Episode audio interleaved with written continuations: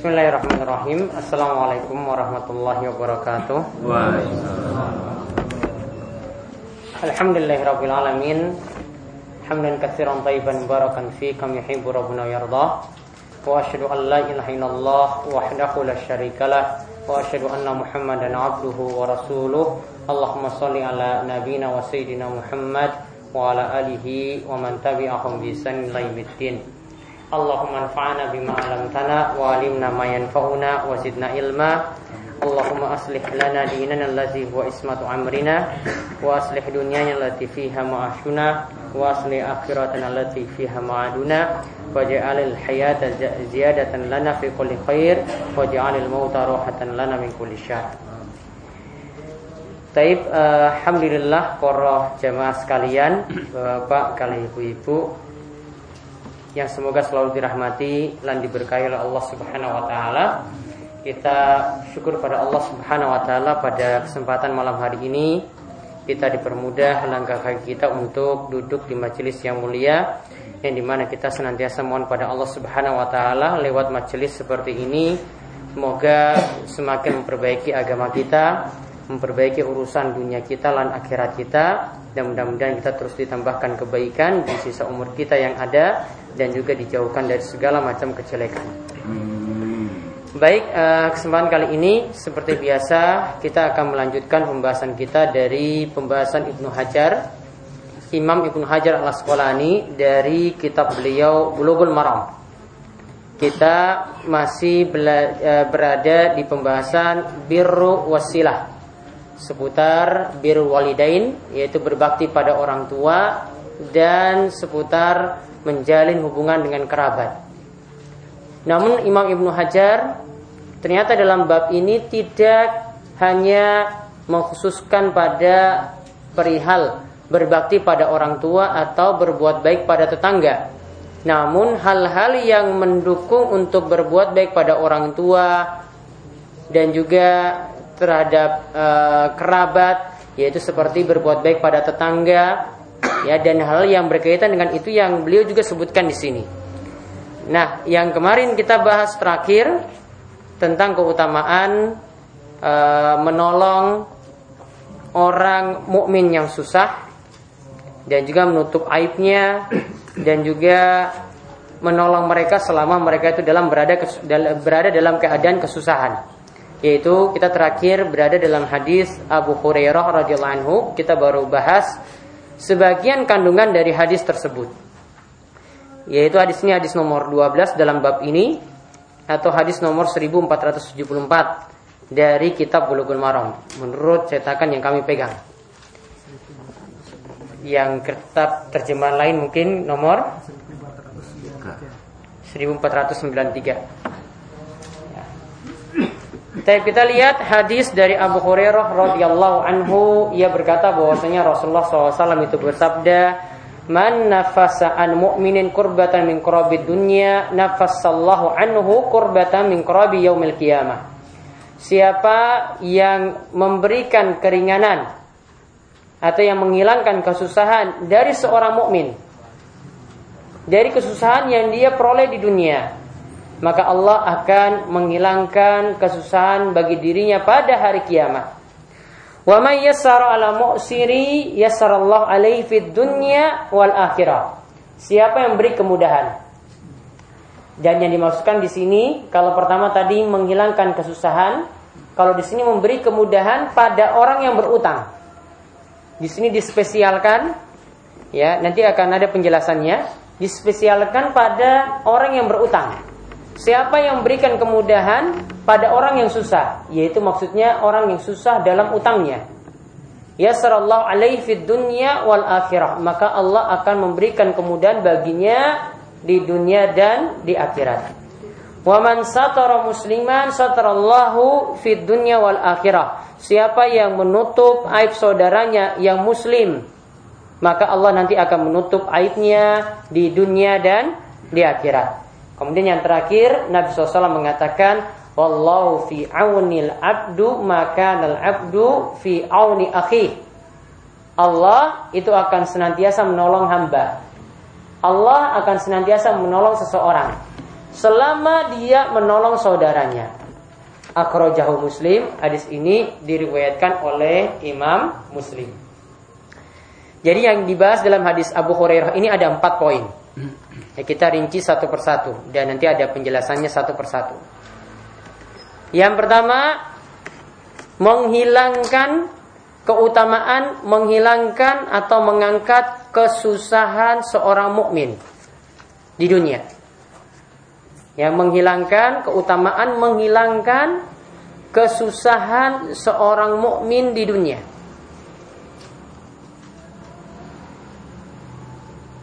Apa yang dimaksudkan kesusahan di sini sifatnya umum. Ya, dalam bahasa Arab, kurbatan ini disebut dengan isim nakirah. Ya, disebut dengan isim nakirah dan terletak pada kalimat syarat. Ya, menurut kaidah bahasa Arab, setiap isim nakiro yang terletak dalam kalimat syarat menunjukkan faedah umum. Jadi segala macam kesulitan apa pun ketika tetangga atau ketika kerabat kita dalam keadaan sulit masalah utang termasuk di dalamnya. Ketika ada saudara kita tertimpa sakit misalnya, dia butuh bantuan termasuk juga di dalamnya. Menolongnya juga termasuk di dalamnya. Ya. Jadi berbagai macam kesulitan yang ada jika kerabat kita atau orang tua kita, kerabat kita atau tangga kita memiliki atau saudara kita sama mukmin, yaitu sama orang-orang beriman, memiliki kesulitan tersebut kita hilangkan, maka akan dapat keutamaannya dalam hadis ini. Yaitu apa tadi keutamaannya? Akan dihilangkan kesusahan baginya di hari kiamat. Para jamaah sekalian, kok di sini balasannya cuma dihilangkan kesusahan baginya di hari kiamat? Apa tidak ada balasan baginya kesusahan di dunia juga ikut hilang? Ternyata tidak demikian dipahami Kesusahan dunia sebenarnya juga hilang, namun di sini dikhususkan hari kiamat karena kesusahan pada hari kiamat itu lebih berat. Ya, di sini dikhususkan kurbahnya itu pada hari kiamat karena kesusahan pada hari kiamat itu lebih berat daripada kesusahan di dunia. Makanya di sini Nabi SAW sebutkan yang dibalas baginya nanti pada hari kiamat. Namun tetap juga nanti berdasarkan pada poin yang keempat nanti ya pada pelajaran yang keempat nanti kita akan lihat ini berlaku umum untuk dunia dan akhirat sebenarnya. Namun ganjaran yang lebih besar akan diperoleh nanti pada saat di hari kiamat. Ya balasannya akan diperoleh besar nanti pada hari kiamat. Siapa saja yang menolong saudaranya yang susah, menghilangkan kesusahannya, maka akan juga dihilangkan kesusahannya pada hari kiamat. Makanya di antara uh, tujuh golongan yang akan mendapatkan naungan Allah Subhanahu wa taala. Yang mendapatkan naungan Allah Subhanahu wa taala. Di situ disebutkan ya, warajulani tahabban tahabbani fillah ya. Istama alaihi waftaraqa alaihi. Ada dua orang yang saling mencintai karena Allah. Mereka itu berkumpul karena Allah dan berpisah juga karena karena Allah. Ini artinya ya orang yang seperti ini punya ciri-ciri juga kalau dia mencintai saudaranya mencintai saudaranya itu karena Allah berarti tatkala saudaranya itu susah dia juga akan memberikan pertolongan padanya. Ya, jadi wujud cinta di sini adalah akan menolong saudaranya tersebut. Maka kalau orang mencintai seseorang itu karena Allah Subhanahu wa taala, dia akan mendapatkan naungan pada hari kiamat. Maksudnya naungan karena pada hari kiamat itu nantinya matahari akan didekatkan sedekat-dekatnya. Berapa jaraknya antara matahari ke orang-orang yang kumpul pada mahsyar? Hmm, berapa jaraknya? Satu mil. Ya, satu mil dan Mil di sini ada ulama yang mengatakan juga satu celak, satu celak mata. Artinya sangat dekat sekali. Ada yang menafsirkan satu mil seperti jarak kita di dunia, dan ada yang menafsirkan satu mil di situ satu celak mata. Artinya jarak yang sangat-sangat dekat sehingga orang benar-benar butuh akan naungan Allah Subhanahu wa taala pada hari kiamat. dibutuhkan seperti itu. Ya, sehingga Nabi SAW menyebutkan ada tujuh sifat atau ada tujuh golongan orang-orang yang mendapatkan naungan pada hari kiamat. Nah, orang-orang inilah yang nanti akan dihilangkan kesulitan pada hari kiamat nanti. Di antaranya, misalnya yang Nabi SAW disebutkan pertama kali al-imamul adil, pemimpin yang adil. Ya, kalau pemimpin yang adil berarti dia tidak menzolimi rakyatnya, tidak menyusahkan rakyatnya. Dia benar-benar memberikan kesejahteraan atau benar-benar menunaikan amanat terhadap rakyatnya ketika dia diberikan amanat.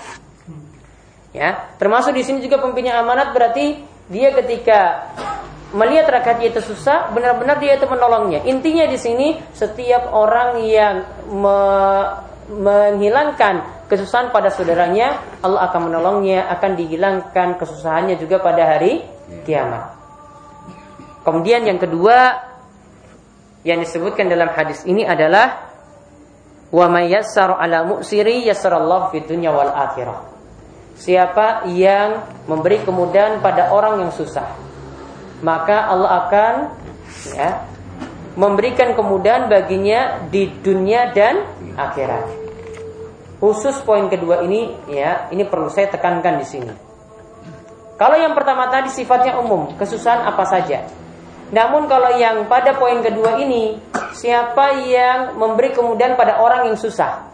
Sini para ulama katakan orang yang susah di sini maksudnya adalah orang yang sulit utang. Ya, jadi untuk poin yang kedua ini bisa dicatat penting. Yang dimaksudkan pada orang yang susah di sini adalah orang yang sulit utang. Dan utang itu tidak pernah membuat tenang.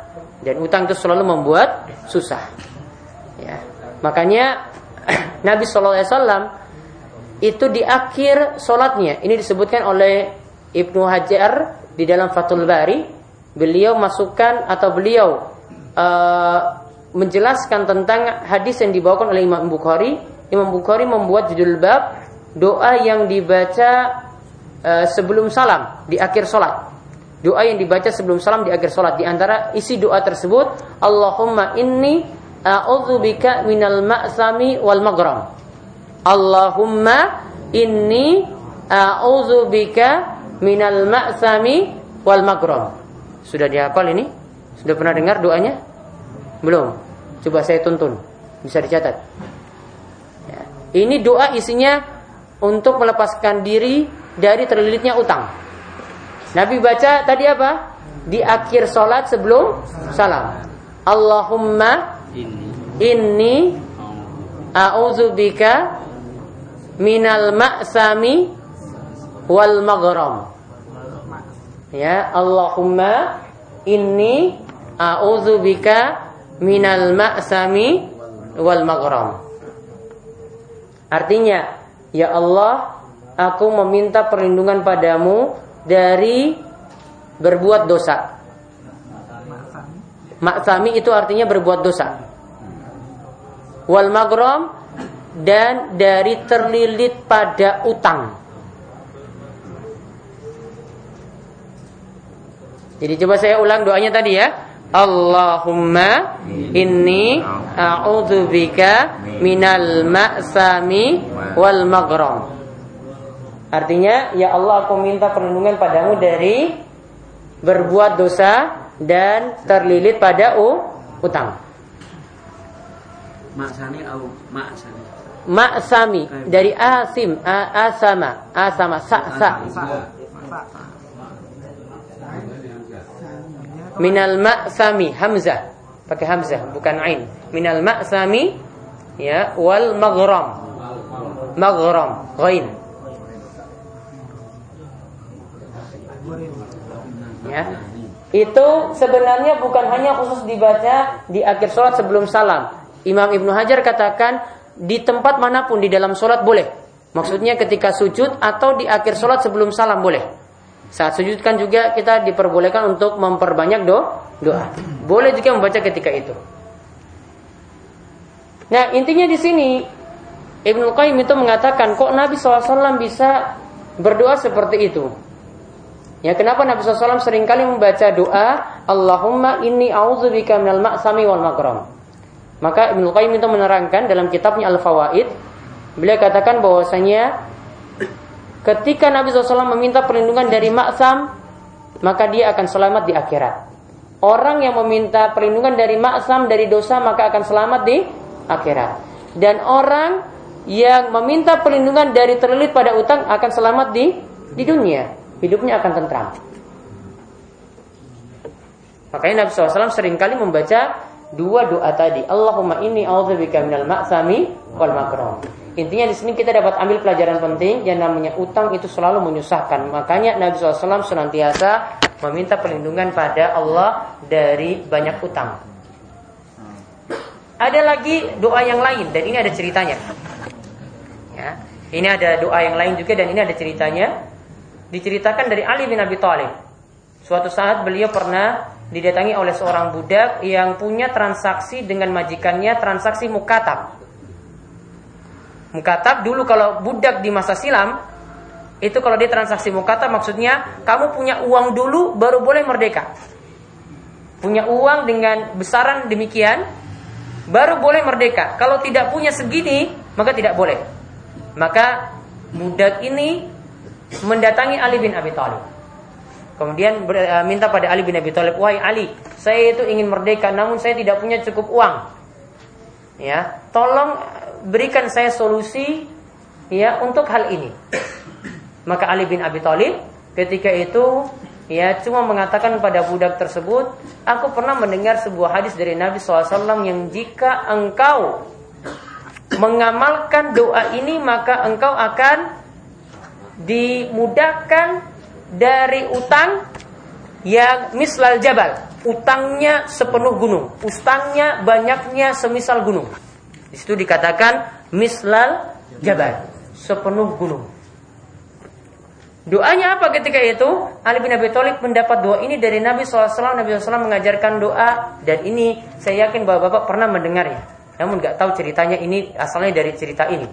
Yaitu Ali mengatakan Nabi SAW mengajarkan Allahumma kfini bihalalika an haramik wa aghanini bifadlika amman siwa. Ya. Kalau belum pernah dengar silakan catat, saya tuntun lagi. Santai mawon. Depannya itu ya. Ya Goniun Yamid di, riwayat ini nggak ada. Riwayat ini nggak ada. Saya bicara tentang riwayat ini. Ya.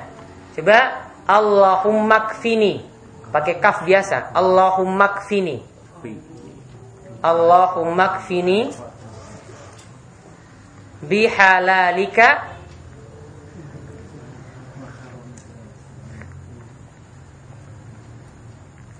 bihalalika an pakai ain ya an haramik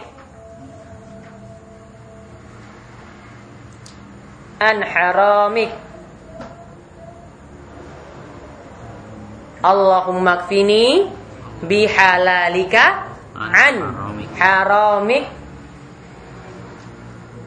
wa aghnini ag pakai ghain. Wa aghnini bifadlika bifadlika pakai dot ya bifadlika amman siwak. Wa aghnini bifadlika amman. Siwak. Amman pakai ain. Amman siwak. Coba sesarangan coba dibaca. Allahumma kfini bihalalika an haramik. Wa aghnini bifadlika amman siwa. Coba perhatikan kisah tadi, ya. Ali ketika dimintai solusi oleh budak tadi, Ali tidak memberikan uang. Ya, Ali bin Abi Thalib tidak memberikan uang, namun dikasih apa? Dikasih doa kamu baca doa ini maka nanti akan dimudahkan lepas dari utang sepenuh gunung. Ya, lihat dikatakan dalam hadis mislal jabal sepenuh gunung. Jadi ini benar-benar Ali memberikan motivasi supaya membaca doa ini dan hayati benar-benar doa tersebut. Ya. Di sini Ali memberikan solusi dengan doa karena doa ini lebih mujarab. Ya kalau dengan doa orang nanti kalau sudah mengamalkan doa tadi maka dia nanti akan berusaha keras supaya utangnya itu lunas, cari yang halal dan tinggalkan yang haram dan selalu bergantung pada Allah. Dan itulah maksud isi doa. Doa tadi artinya bisa dicatat artinya Allahumma kfini. Ya Allah, cukupkanlah aku dengan yang halal. Ya Allah, cukupkanlah aku dengan yang halal. Dan jauhkanlah aku dari yang haram.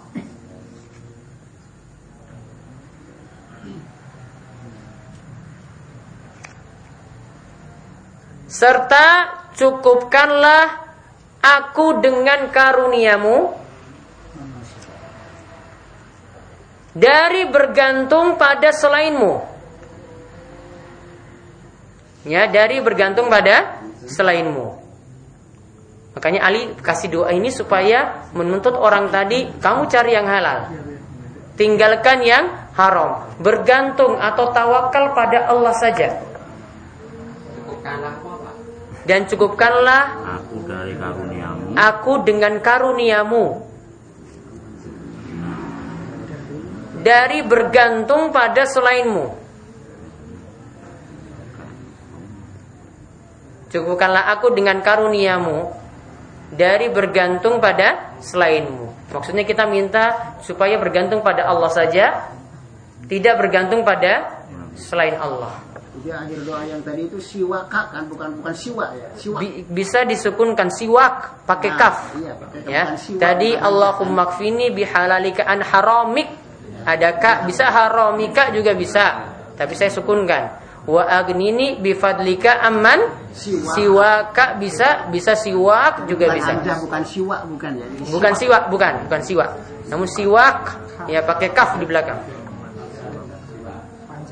siwak siwa alif baru kaf siwaka atau mau disukunkan siwak jadi dua ya. Jadi dua-dua tadi ya. Dua yang pertama tadi Allahumma inni A'udzubika minal ma'sami wal maghram. Kemudian doa yang kedua tadi, doa dari Ali mengajarkan pada seorang budak dan ini hadis dari Nabi, Allahumma kfini bihalalika an harami wa aghnini bifadlika amman siwa. Nah, tadi kita kembali itu tadi cuma untuk menunjukkan bahwasanya ya, yang namanya utang itu kadang memberatkan seperti itu. Maka banyaklah memohon pada Allah Subhanahu wa taala supaya dilepaskan dari sulitnya utang tadi dan biar dimudahkan baca doa yang kedua tersebut. Kemudian ditambah dengan usaha keras supaya bisa utang tersebut lunas. Nah, sekarang sikapnya bagi orang yang meminjamkan uang. Sikapnya bagi orang yang meminjamkan uang. Maka di sini disebutkan dalam hadis ini ya, man wa mayyasara ala mu'siri siapa yang memberi kemudahan memberi kemudahan bagi orang yang mu'sir mu'sir itu maksudnya orang yang susah namun para ulama mengkhususkan hadis ini untuk orang yang sulit dalam utang kenapa kok di sini dikhususkan orang yang sulit dalam utang bukankah sudah masuk pada penggalan yang pertama hadis yang pertama tadi karena utang tadi kalau orang itu menolong saudaranya seperti itu keutamaannya lebih besar lagi. Beda dengan hal yang lainnya. Jadi ini lebih dispesialkan supaya jadi perhatian ya. Tolonglah saudara kita yang susah dalam keadaan utangnya tadi. Susah dengan utangnya tadi. Bentuk menolongnya di sini bisa jadi yang pertama. Menolong dalam masalah utang bisa jadi yang pertama memberikan tenggang waktu yang memberikan tenggang waktu. Dan di sini hukumnya wajib memberikan tenggang waktu pada orang yang susah tadi dan di sini hukumnya wajib. Dalilnya adalah firman Allah Subhanahu wa taala surat Al-Baqarah ayat 280.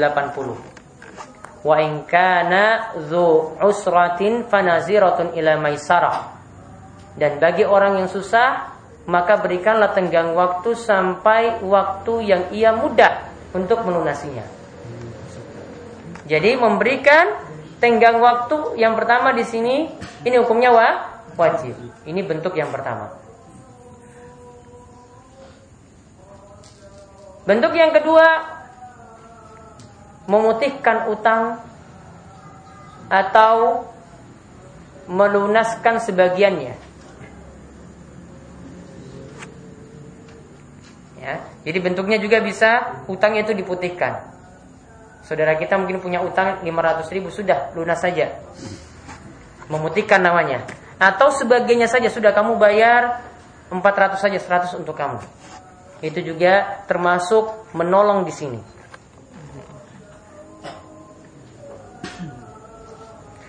Dan yang namanya memutihkan di sini hukumnya sunnah. Yang namanya memutihkan atau tadi ya melunasi sebagiannya itu sunnah. Beda dengan yang pertama, yang lebih ditekankan itu yang pertama. Kalau mau ingin berbuat baik, ya bisa sampai diputihkan seperti itu.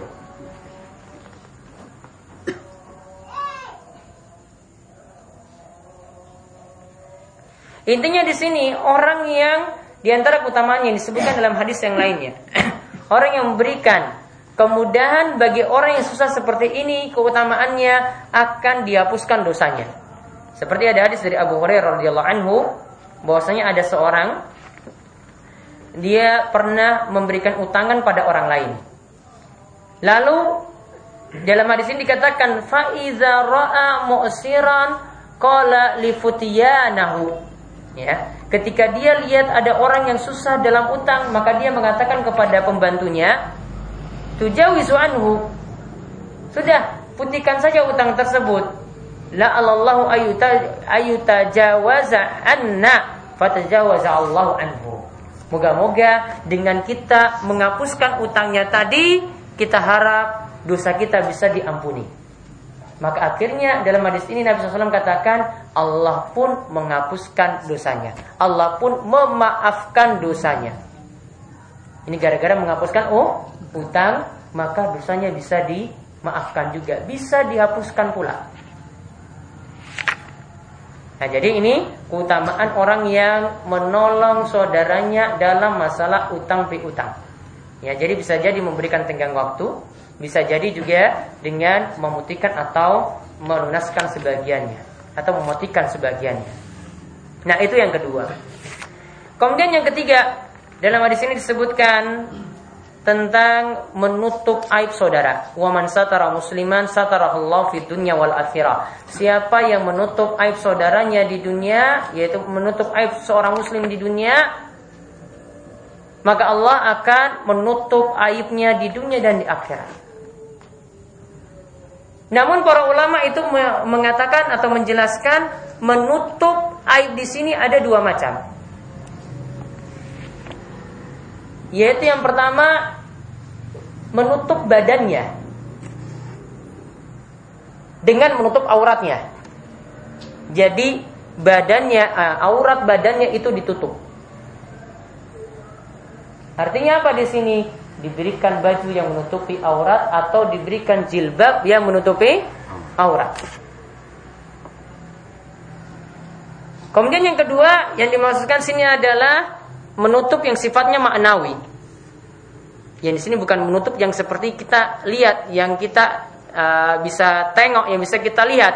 Namun di sini tidak bisa kita lihat, namun di sini sifatnya non uh, sifatnya ini, ini tidak nampak. Yaitu yang dimaksudkan menutup aib berupa perbuatan-perbuatan maksiat di masa silam. Menutup aib berupa perbuatan-perbuatan maksiat yang dia lakukan di masa silam.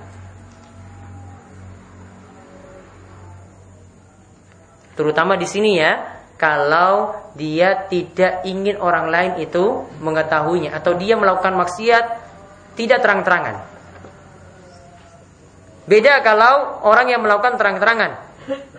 Maka aibnya itu bisa diumbar. Aibnya itu bisa dibuka. Atau dia melakukan kefasikan, ya memang terang-terangan di tengah-tengah orang banyak. Maka di sini bukan yang dimaksud, namun yang tadi yang dimaksudkan adalah kalau dia bermaksiat saja dia diam-diam dan dia ingin bertobat, Maka aibnya yang kita tahu seperti ini kita tutup rapat-rapat. Jangan dibuka. Ya, jangan dibuka aib tersebut. Bisa jadi dulu itu mungkin dia itu pernah main perempuan dan kita tahu. Dan sekarang dia sudah ingin bertobat, maka tutup rapat-rapat aib tersebut maka akan dapat keutamaan tadi. Ya, ini yang ketiga yaitu siapa yang menutup aib saudaranya maka Allah akan menutup aibnya di dunia dan di akhirat. Jadi bukan hanya di akhirat saja, di dunia pun aibnya akan ikut ditutup. Namun sebaliknya berarti kalau orang itu terus membuka aib saudaranya, bisa jadi juga di dunia aibnya Allah akan buka. Apalagi nanti di akhirat. Jadi di sini yang ketiga menunjukkan keutamaan orang yang menutup aib saudaranya. Ya, menutup aib saudaranya. Namun di sini yang dimaksudkan tadi bisa jadi dua makna kata para ulama. Yang pertama menutup secara hissi yaitu secara indrawi, yaitu dengan memberikan dia penutup badan yaitu diberikan uh, diberikan jilbab atau diberikan gamis atau diberikan pakaian yang menutupi auratnya. Ini termasuk di sini. Ya. Kemudian yang kedua tadi menutup aibnya yang pernah dia lakukan di masa silam dan dia benar-benar ingin menyesali dosa tersebut. Maka juga jangan untuk dibuka. Nah kemudian yang terakhir yang Nabi SAW sebutkan tentang keutamaan menolong saudara Muslim. Yaitu Nabi katakan, Allah fi aunil abdi maka al abdu fi auni akhi. Yaitu keutamaan orang yang menolong saudaranya. Nabi katakan, dan Allah akan menolong seseorang selama dia menolong saudaranya. Allah itu akan menolong seseorang selama dia itu menolong saudaranya.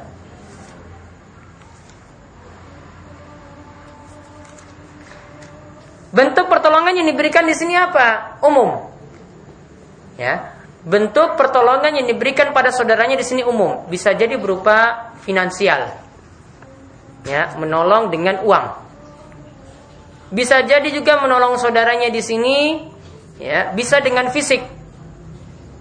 Seperti yang Nabi SAW ceritakan suatu bentuk sodako, ya, ketika seseorang itu menolong saudaranya untuk mengangkut barang ke kendaraannya. Ini bentuk bantuan fisik.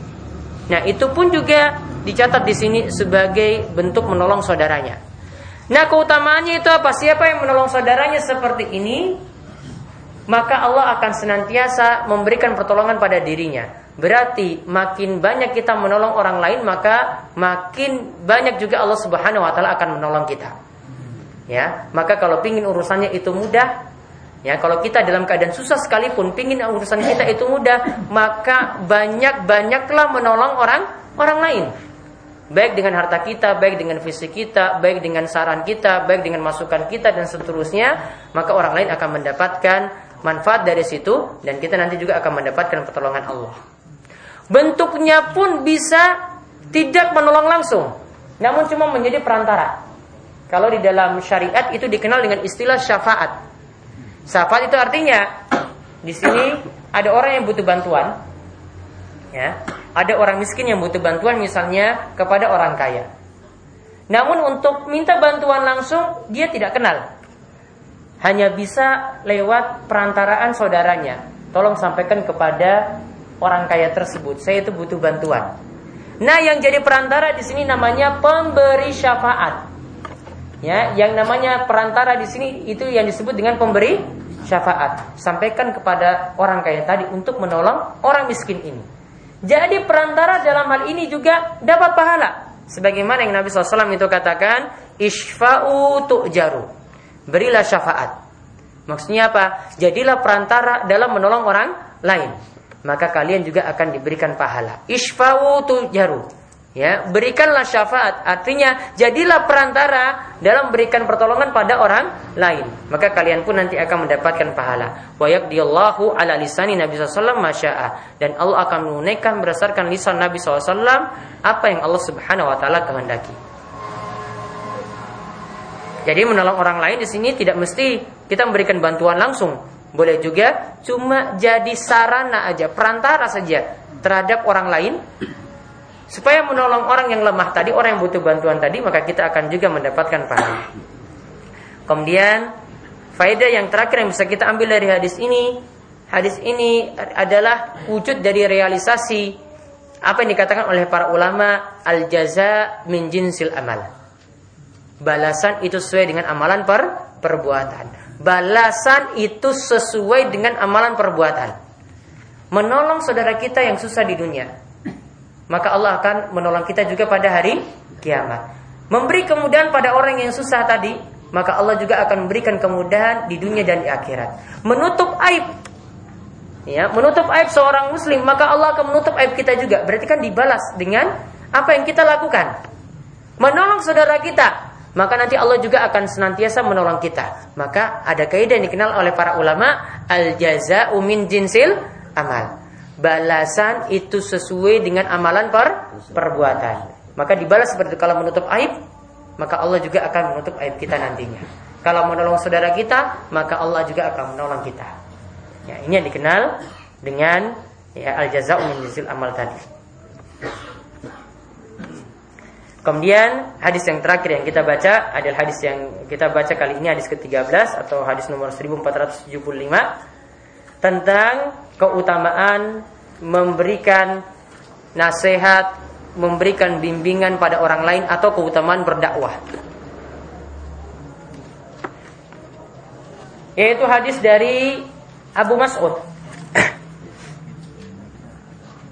ya, hadis dari Abu Mas'ud Bukan Ibnu Mas'ud ya, situ apa? Ibnu Mas'ud. Yang benar itu Abu Mas'ud. Abu. Abu Mas'ud. Ini hadis dari Abu Mas'ud Al Ansori diganti. Abu Mas'ud Al Ansori.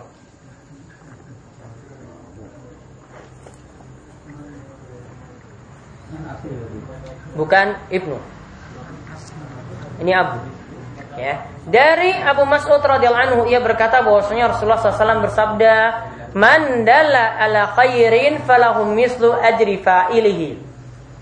Siapa yang memberi petunjuk pada kebaikan, maka dia akan mendapatkan pahala semisal orang yang mengamalkan kebaikan tersebut dia akan mendapatkan pahala juga dari orang yang mengamalkan kebaikan yang dia tunjuki. Hadis ini akhrajahu Muslim dikeluarkan oleh Imam Muslim.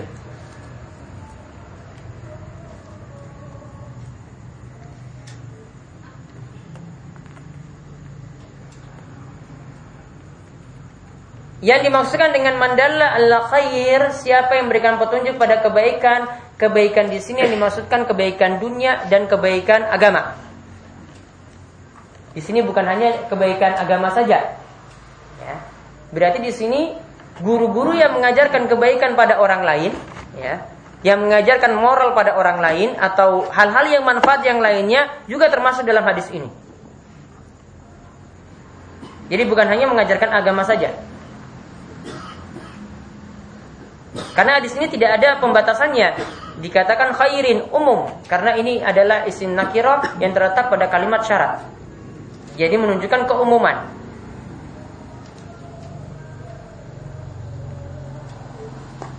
Dan di sini yang dimaksudkan juga kebaikan di sini bisa jadi berupa nasihat, bisa jadi berupa tulisan, bisa jadi berupa buku, bisa jadi berupa ceramah-ceramah, yang diberikan kepada orang lain. Jadi bentuknya macam-macam. Jadi bukan hanya menunjuki di sini uh, dengan ceramah, dengan memberikan nasihat, bisa jadi cuma ngajak saja. Ya, bisa jadi bentuknya adalah dengan tulisan, dengan makalah, bisa jadi dengan buku dan seterusnya. Atau mungkin lewat SMS. Ya. Kalau lebih canggih lagi lewat WhatsApp, lewat Facebook misalnya. Yufid. Lewat Yufid. Balasannya apa? Falahum mislu ajri fa'ilihi. Maka baginya pahala orang yang mengamalkan apa yang dia tunjukkan. Akan mendapatkan pahala semisal yang mereka lakukan. Jadi dia lakukan kebaikan tadi dapat pahala sendiri. Kemudian orang yang ikuti kebaikan yang dia contohkan juga yang dia ajarkan, dia juga akan mendapatkan pahalanya. Kalau satu orang tadi dia ajarkan berarti yang tidak akan dapat pahala seperti itu. Kalau dua dapat lagi dua kali lipat. Kalau sampai seribu ya bisa dapat lebih banyak lagi. Dan ini bentuknya dakwah di sini artinya mengajarkan kebaikan pada orang lain. Ini bentuknya adalah bisa jadi pelopor dalam kebaikan. Pelopor dalam kebaikan di sini bentuknya bisa dengan ucapan. Kita ngajarkan orang lain. Bisa bentuknya, kata Syekh Abdul Al Fauzan, beliau katakan bentuknya juga bisa cuma tunjukkan dalam tingkah laku. Orang lain niru tingkah laku kita yang baik juga termasuk dalamnya. Jadi bukan hanya lewat omongan. Makanya misalnya kita hidup di tengah-tengah masyarakat kita tidak bisa berdakwah. Namun cuma bisa tunjukkan dengan akhlak dan tingkah laku yang baik. Maka tunjukkan saja dengan akhlak dan tingkah laku yang yang baik di tengah-tengah masyarakat. Tidak mesti harus datang ke mimbar kemudian ceramah, tidak mesti. Ya, karena mungkin setiap orang tidak bisa melakukannya, namun dia tunjukkan misalnya akhlak pada dirinya, akhlak pada istrinya, penampilan istrinya misalnya di tengah-tengah masyarakat, akhlak pada anak-anaknya, dan orang-orang mengikuti ya apa yang kita contohkan maka juga itu termasuk di dalamnya. Maka ini termasuk dalam hadis Nabi SAW Man sanna fil islami sunatan hasanatan Falahu ajruha wa ajru man amila biha Ba'dahu min ghairi ayang min ujurihim syai' Siapa yang menjadi pelopor dalam kebaikan? Sanna fil islami sunnatan hasanatan. Maksudnya menjadi pelopor dalam keba kebaikan. Ya, Maka dia akan mendapatkan pahala pahala dari amalan kebaikan yang dia lakukan, kemudian pahala orang-orang yang mengikuti setelah itu. Tanpa mengulangi pahala orang yang mengikutinya sedikit pun juga. Jadi orang yang ikut kita itu tidak pahalanya tidak berkurang. Ya. Kita tidak ambil. Tetap mereka dapat pahala, kita juga melakukan kebaikan tadi dapat pahala, ya. Namun kita juga dapat pahala dari kebaikan mereka tanpa mengurangi pahala mereka tadi. Kemudian sebaliknya, ya kalau tadi pelopor dalam kebaikan. Ya, kalau ini sebaliknya pelopor dalam keje, kejelekan. Mansanna fil islami sunnatan sayyatan. Siapa menjadi pelopor dalam keje, kejelekan. Ya. Karena alaihi wizruha, maka dia akan mendapatkan dosanya. Dia dapat dosa sendiri. Ya, wa wizru man amila biha mim ba'dihi. Dan juga akan mendapatkan dosa dari orang-orang yang mengikutinya. Min ghairi ayang kusa min min auzarihim syai. Tanpa mengurangi dosa-dosa mereka sedikit pun juga. Coba lihat kalau kita jadi public figure misalnya. Uh, para wanita yang memakai pakaian-pakaian ketat. Ya pakaian model baru. Kemudian diikuti oleh anak-anak muda yang lainnya. Pakai di jalan-jalan seperti itu ditanya ini ikut siapa? Oh itu lihat artis di TV seperti itu persis ini bajunya seperti ini. Warnanya sama seperti itu. Ditiru. Ya, maka orang yang tadi cuma kasih contoh saja, tidak omong kan? Tidak suruh orang lain, "Eh, kamu ikut model saya ini loh." Tidak. Tapi kan dia kasih contoh. Dan dia jadi public figure, orang-orang pada melihatnya. Kemudian orang-orang ingin niru dia. Nah, dia dapat dosa dengan pakaiannya tadi dan orang-orang yang tadi juga mengikutinya tadi, mereka dapat dosa. Selain itu dia dapat transferan dosa juga ke orang yang jadi pelopor pertama kali tadi. Ya, jadi MLM dosa di sini. Kalau tadi itu MLM pahala tadi ya, di sini MLM jadi MLM dosa. Ya, maka kalau hadis ini menerangkan demikian berarti jadilah pelopor dalam keba kebaikan, jangan jadi pelopor dalam kejelekan. Nah sekarang masalahnya di sini tentu saja setiap orang yang berdakwah atau mengajak orang lain dalam kebaikan, tentu dia mesti melakukan kebaikan itu pertama kali. Ya. Dia harusnya mulai dari dirinya sendiri. Jangan dia ngajarkan tapi dia sendiri jauh dari amalan.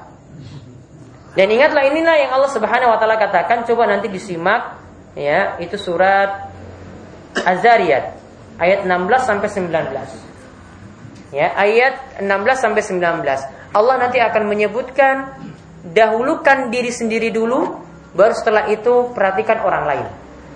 Di sini Allah Subhanahu wa taala uh, sebutkan tentang macam-macam kebaikan mulai dari sholat malam dan yang lainnya innahum kanu qabla dzalika muhsinin.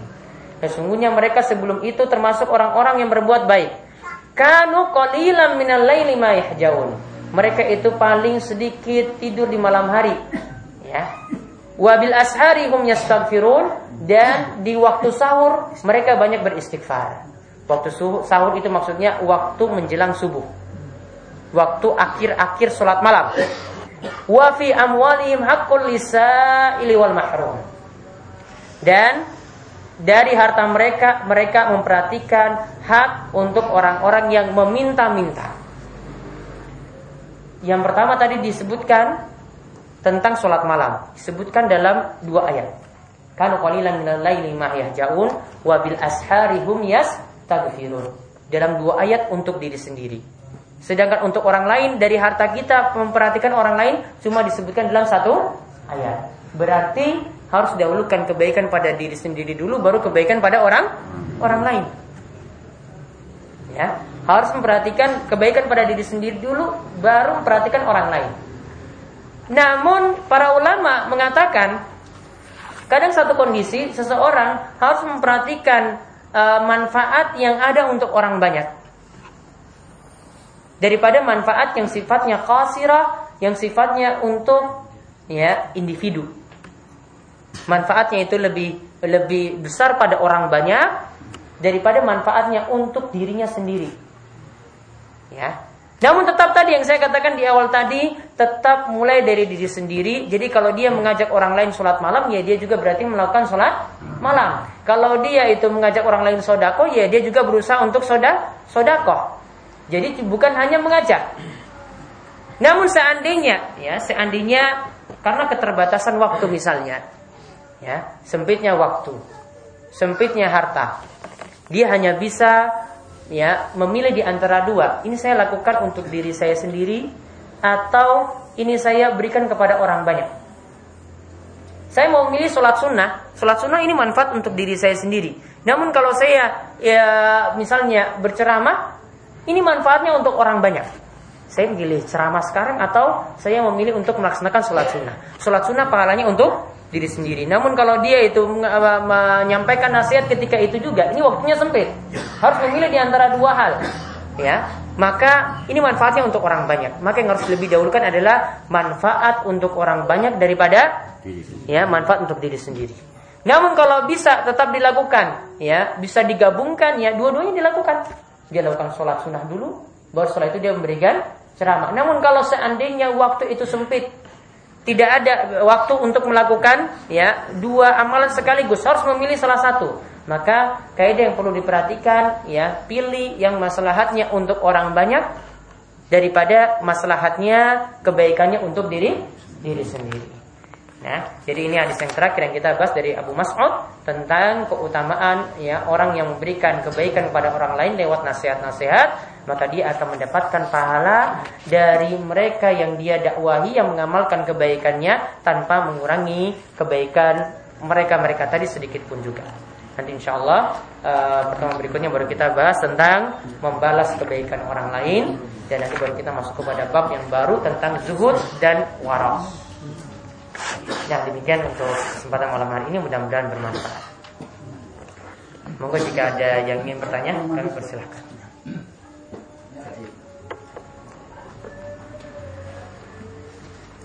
Bismillahirrahmanirrahim. Mohon maaf, jadi sebelum ada tanya jawab, uh, himbauan dari muksinin yang bagi-bagi kitab itu diutamakan supaya dibawa untuk ngaji karena banyak kata-kata yang hanya terjemahan. Misalnya hadis kemarin kulu ma'rufin sodako. Kalau dibaca sendiri tidak cukup arti ma'ruf tidak tahu. Tapi kalau didengarkan di sini ada sarannya, ada penjelasan sehingga jadi mengerti oh yang dimaksud ma'ruf ini ini ini dan sebagainya. Atau masalah yang lain, masalah hutang. Perinciannya di buku mungkin tidak jelas, di sini ada. Jadi diimbau untuk yang sudah dapat buku atau temannya yang sudah dapat buku kitab uh, diajak lagi supaya hadir supaya kita membawa kitab tersebut supaya bisa memahami hadis itu dengan sesuai dengan yang dimaksud oleh uh, pembuat buku atau sabda Rasulullah SAW. Pemahamannya supaya pemahamannya seperti pemahaman para salafus soleh. Demikian sudah saya sampaikan. Terima kasih. Kami kembalikan untuk sesi kedua yaitu tanya jawab. Monggo. Wassalamualaikum warahmatullahi wabarakatuh. Oke. tadi itu belum Lampung. Seng doa. Kita baca ini. Ya. Allahumma ini a'udzubika min maktani. Minal Minal. Minal maktani. Wal wal magrom. Maghrib. Iya, magrom mim terakhir. Saya sukunkan. Ini tidak pakai ya. Tidak. Ini dua apa ini?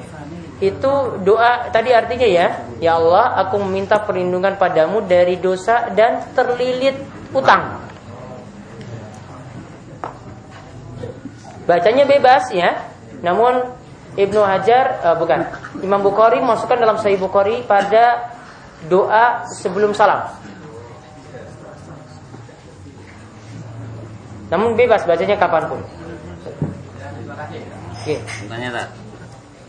E, tadi Ali bin Abi Thalib mengajari sama budak tadi tentang doa itu. Iya. Hasilnya berhasil nggak? Hasilnya tidak disebutkan, cuma diajarkan saja. Iya. Silahkan buktikan. Kalau nggak terbukti berarti doanya nggak serius orang tenanan. Tidak makbul. Saya kira ada lanjutan cerita. Iya utangnya sepenuh gunung tapi doanya cuma sekali ya kan? Doanya sepenuh gunung juga. Bukan bukan dosa doanya yang. Jadi jangan salahkan doanya gitu. Bukan doanya yang baik. Bedanya ini sama akni ini apa? Hah? Bedanya ekvini sama akni ini apa? Ikfini mencukupi. Agni ini mengayakan sebenarnya ya tapi maksudnya agni ini itu lebih pada kita tidak butuh pada orang lain. Kalau ikfini itu maksudnya mencukupi diri sendiri. Agni ini maksudnya tidak butuh pada orang lain. Gitu. Ada lagi? Ada. Iya. Bagaimana kita kadang-kadang kita melakukan eh, sholat Qobliyah subuh ya. pada pengertian bahwa sholat sunat itu utamanya di rumah. Ya. Setelah eh, masuk waktunya itu dalam pikiran kalau saya sholat di rumah nanti di masjid jangan-jangan Ketinggalan. bisa terlambat. Ya. Bisa sholat sunat di masjid atau di rumah. Jika Iya. jangan ada pengertian sholat sunat itu banyak di rumah. Ya. Jadi Nabi SAW itu memerintahkan pada kita untuk mengerjakan sholat sunnah itu di rumah. Ilal maktubah kecuali sholat wajib itu hendaklah dikerjakan di di masjid. Ya. Maka di sini memang perintah ini disunahkan kita menjadikan sholat sholat sunnah kita termasuk sholat rawatib. Ya, termasuk sholat rawatib ya yang sebelum sholat wajib atau sesudah sholat wajib bagusnya dilakukan di di rumah. Namun ada satu pertimbangan seperti masalah tadi. Apalagi di tempat-tempat kita biasa melakukan sholat subuh itu cepat dari waktu ikomahnya. Kadang cuma 10 menit ya. Kadang cuma 10 menit. Ya. Mungkin ada yang 5 menit lagi. Kalau memang kondisinya seperti itu, dahulukan untuk mendapatkan takbiratul ihram untuk sholat subuhnya. Berarti bagusnya pergi segera ke masjid, tunaikan sholat qobliyah subuh di di masjid, ya, biar nanti dapat takbiratul ihram yang pertama bersama imam. Nah, namun kalau waktunya itu panjang, waktu antara azan dan iqomah itu panjang. Kita sholat qobliyah subuh di rumah atau sholat sunnah fajar tadi di rumah, baru kita jalan ke masjid itu masih bisa, masih banyak waktu juga. Karena jaraknya mungkin 20 menit sampai 30 menit untuk antara azan dan iqomah untuk sholat subuhnya, maka lebih bagus lakukan di rumah. Namun kalau tahu kondisinya seperti itu, tetap memilih lakukan di di masjid karena tadi alasannya supaya bisa mendapatkan takbir pertama bersama imam. Nah, perbandingannya kalau saya sholat sunat di rumah, nanti adanya itu bisa lambat. Ya. Masalahnya antara adzan di masjid tapi belum qobliyah atau qobliyah tapi adzan di masjid tapi sudah lambat. Jadi jenengan sebagai muazin. Ya. Oh, muazin. Muazin tetap memperhatikan waktu sholat kalau sudah masuk waktu sholat tetap azan di situ. Jadi waktunya misalnya 4.00 harus dia azan seperti itu. Jangan dia undur supaya bisa melaksanakan sholat qobliyah di rumah. Jangan. Muazin harus punya tugas seperti itu. Harus tepat waktu. Makanya kalau di sini memang kita nggak jarang yang apa e, menetapkan muazin sebagai pegawai gitu. Kalau di Arab Saudi itu ya muazin itu sudah diangkat jadi pegawai. Apa? Kenapa diangkat jadi pegawai? Supaya dia tetap standby di situ terus setiap waktu sholat dan itu berat loh. Itu berat. Gak mungkin ada di, sini mau standby terus wah ini azan jam sekian jam 4 tet, saya harus azan. Sedikit sekali yang mau seperti itu. Ya paling yang sepuh-sepuh baru yang mau perhatikan. biasanya saya nom-nom itu biasanya ya malah seperti itu tunggu saya telat baru datang gitu, ya. Makanya di situ kalau di Saudi ya, kalau muazin biar dia itu tetap tepat waktu untuk memandangkan azan maupun ikomahnya, maka dia dibuat seperti seorang PNS. Jadi ada gaji bulanan. Ya. Intinya di sini untuk muazin seperti tadi tetap konsekuen untuk azan tepat waktu dan sholat qobliyah subuhnya dia lakukan di masjid. Seperti itu. Sudah? tetap utama di masjid. Tetap utama di masjid. Ya, karena tugasnya azan. Hmm. Ya. Ini Ustaz dalam hadis tadi 1493 poin 2 itu. Ya. Wa may yasyara. Wa may yasyara ala muksirin. Nah itu bagaimana kalau orang itu menghutangkan tetapi ada tujuan keuntungan yang memberikan hutang itu. Seperti memakai jaminan ya dan mengambil untung dari jaminan itu. Taruhlah meminjamkan uang, gade ya maksudnya seperti gade sawah ya, nah, gade motor motornya dipakai itu gimana? Termasuk uh, mendapat kemudahan di dua daerah tidak. Orang yang menghutangkannya itu, yang memakai borah itu. Dan borahnya itu diambil keuntungan. Kita pinjam uang tapi uh, ada borah sawah. Sawahnya diambil keuntungan. Sawahnya ditanamin nah, kemudian hasilnya diambil yang nah, mengutangkan tadi. itu karena ada tujuan keuntungan materi gitu asalnya transaksi utang piutang itu transaksi sosial ya jadi sering kali saya katakan namanya orang yang mengutangkan itu sudah separuh bersedekah. Jadi dia sudah separuh tinggal separuhnya lagi hilang. itu sudah resiko seperti itu. Maka yang tadi ada sampai ditunda waktu. Ditunda waktu ya kita sebenarnya kalau pakai uang kita untuk kita sendiri kita bisa muter uangnya, uangnya bisa dikembangkan. Namun kalau ini di tangan orang lain, berarti kan uang tersebut kan akhirnya jadi seperti tidak ada. Makanya sudah separuh bersedekah. Sehingga karena konsekuensinya seperti itu, maka tidak boleh ada keuntungan dalam utang piutang. Termasuk juga dalam gadai. Maka para ulama punya kaidah kullu qardin jarang manfaat riba. Setiap utang piutang yang di dalamnya itu ada keuntungan, maka dikategorikan riba. Termasuk di sini tadi ya yang jadi barang gadaian dimanfaatkan. Ya, pemanfaatannya meskipun kita tidak dapat uang uangnya tidak dianakkan ketika itu namun dari pemanfaatan sawah ini pemanfaatan seperti ini tidak dibolehkan. Terus pahalanya atau keuntungan dia tidak mendapatkan keuntungan tadi karena sudah ya, menyusahkan orang. ya, ya, ya. tidak mendapatkan keutamaan tadi. Terus kalau kita kembali kepada dasar jual beli antarodin kita yang meminjam karena butuh, kita setuju dengan diambil manfaat itu. Silakan makanya itu. Allah katakan uh, Ahalallahu al-bai'a wa harrama riba. Allah pisahkan antara jual beli dan riba. Artinya Allah pisahkan antara utang piutang dan jual beli.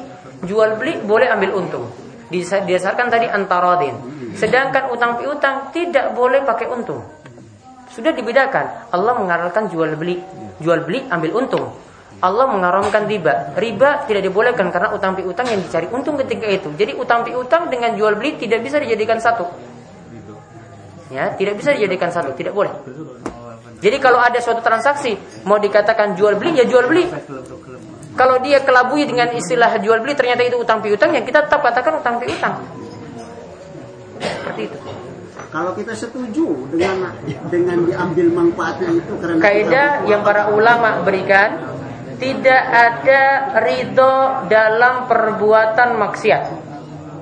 Sekali lagi tidak ada ridho dalam perbuatan maksiat. Ya.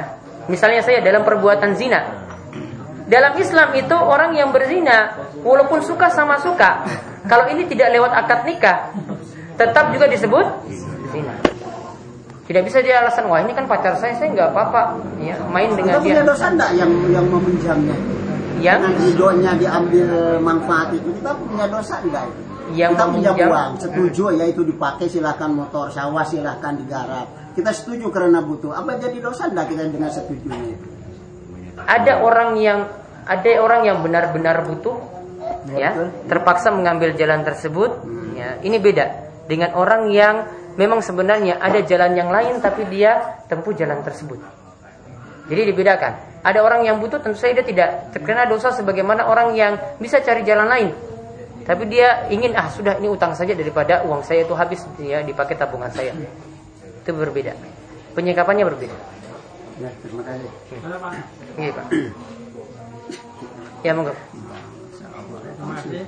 Dalam beberapa tahun ini banyak para ustadz dalam memberikan ceramahnya baik melalui radio, televisi maupun dialog langsung semacam ini banyak menuntun atau memandu jamaahnya itu dengan kalimat-kalimat thayyibah yang tidak lengkap.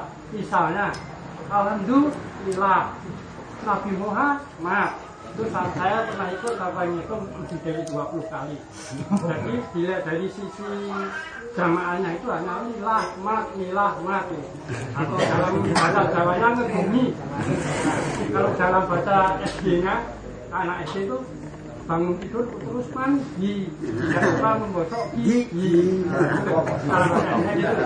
padahal kalimat-kalimat yang lengkap misalnya ada orang yang lahir Alhamdulillah kita nyaut ya kamu Allah itu kan lengkap Iya. atau orang Nabi Muhammad ya Sallallahu Alaihi Wasallam yang lengkap itu kan ada keuntungannya. Hmm. tapi kalau ini Alhamdulillah Alhamdulillah itu terus sampai gitu sampai berapa kali.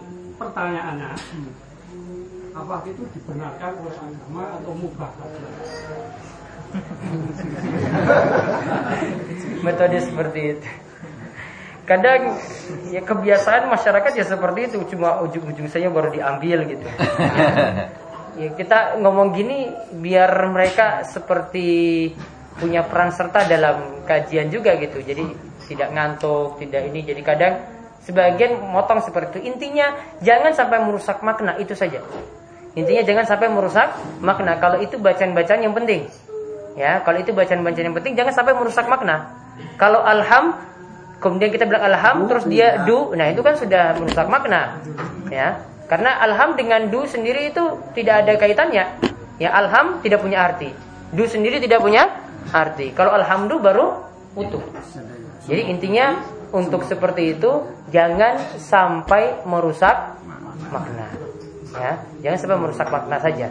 Kalau mau nyambung-nyambungkan seperti itu ya sah-sah saja. Yang penting makna dari kalimatnya itu kalau apalagi ini satu kata, sebenarnya satu kata penuh ya disebutkan satu kata penuh. Jangan dia potong.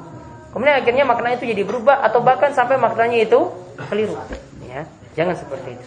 Jadi asalnya sah-sah saya seperti itu selama tidak merusak makna. Pak. Allahumma amin. Allahumma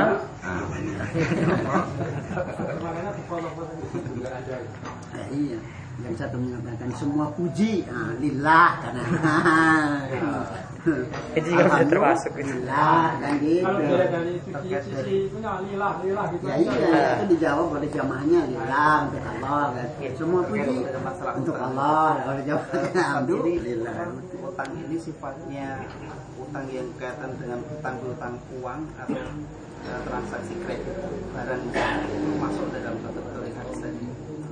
Kemudian beberapa kali kita harus memberikan kelonggaran apa suku ada batas maksimal karena ada kalau faktor kesengajaan misalnya orang ini sengaja bayar berulang waktu bagaimana itu?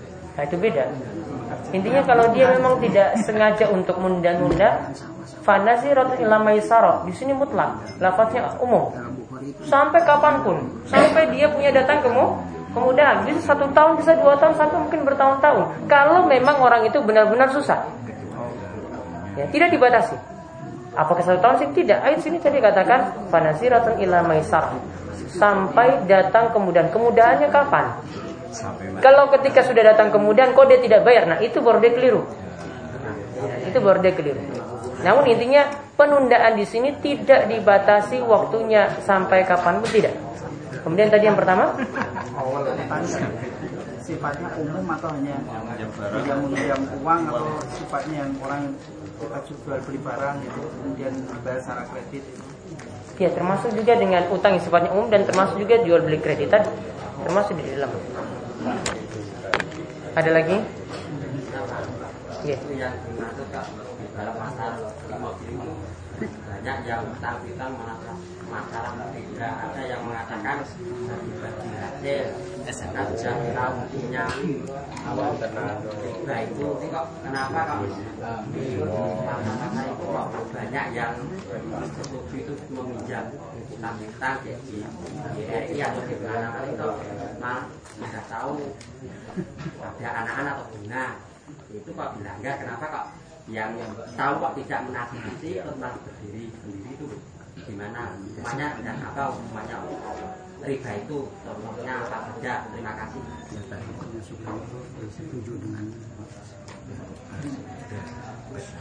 Ya intinya kayak dia tadi yang saya sebutkan Kalau itu transaksinya utang Piutang Kemudian diambil keuntungan di dalamnya Maka hakikatnya itu adalah riba.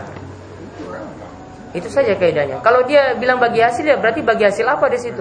Dalam utang piutang Ataukah itu dalam uh, dalam usaha yang konkret? Kalau itu dalam utang piutang Berarti bagi riba yang namanya yang ada di dalam contohnya riba itu hukumannya apa buncit atau gimana? Kebanyakan mm, minum alkohol Bukan Bu. riba hukumannya seperti ini contohnya kan ada kalau diterangkan Tadi apa yang terakhir? Hukumannya uang Makan riba lah. Makan riba. Di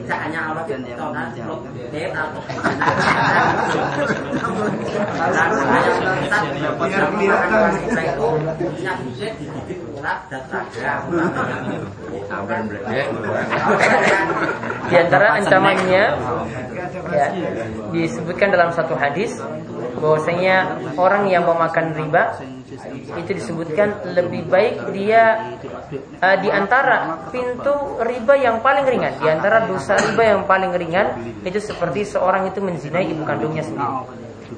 Itu di antaranya. Ada lagi poin-poin yang lain. Insya Allah nanti kapan-kapan baru kita bahas. Paling ringan. Paling ringan. Ada lagi terakhir ya.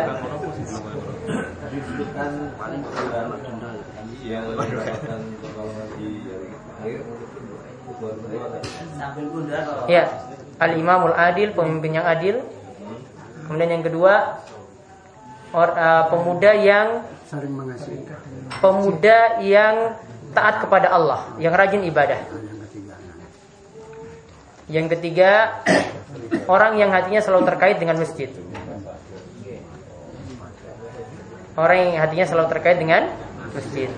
Yang keempat, yang tadi saya sebutkan, orang yang saling mencintai karena Allah, berkumpul karena Allah, berpisah karena Allah. Terus yang kelima, eh yang ke yang kelima. Yang kelima orang yang takut berbuat zina, orang yang takut berbuat zina.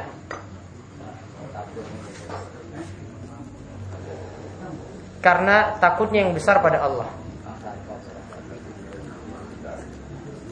Kemudian yang keenam,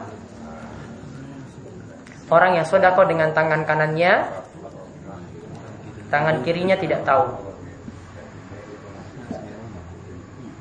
Yang ketujuh, maksudnya sedekahnya diam-diam.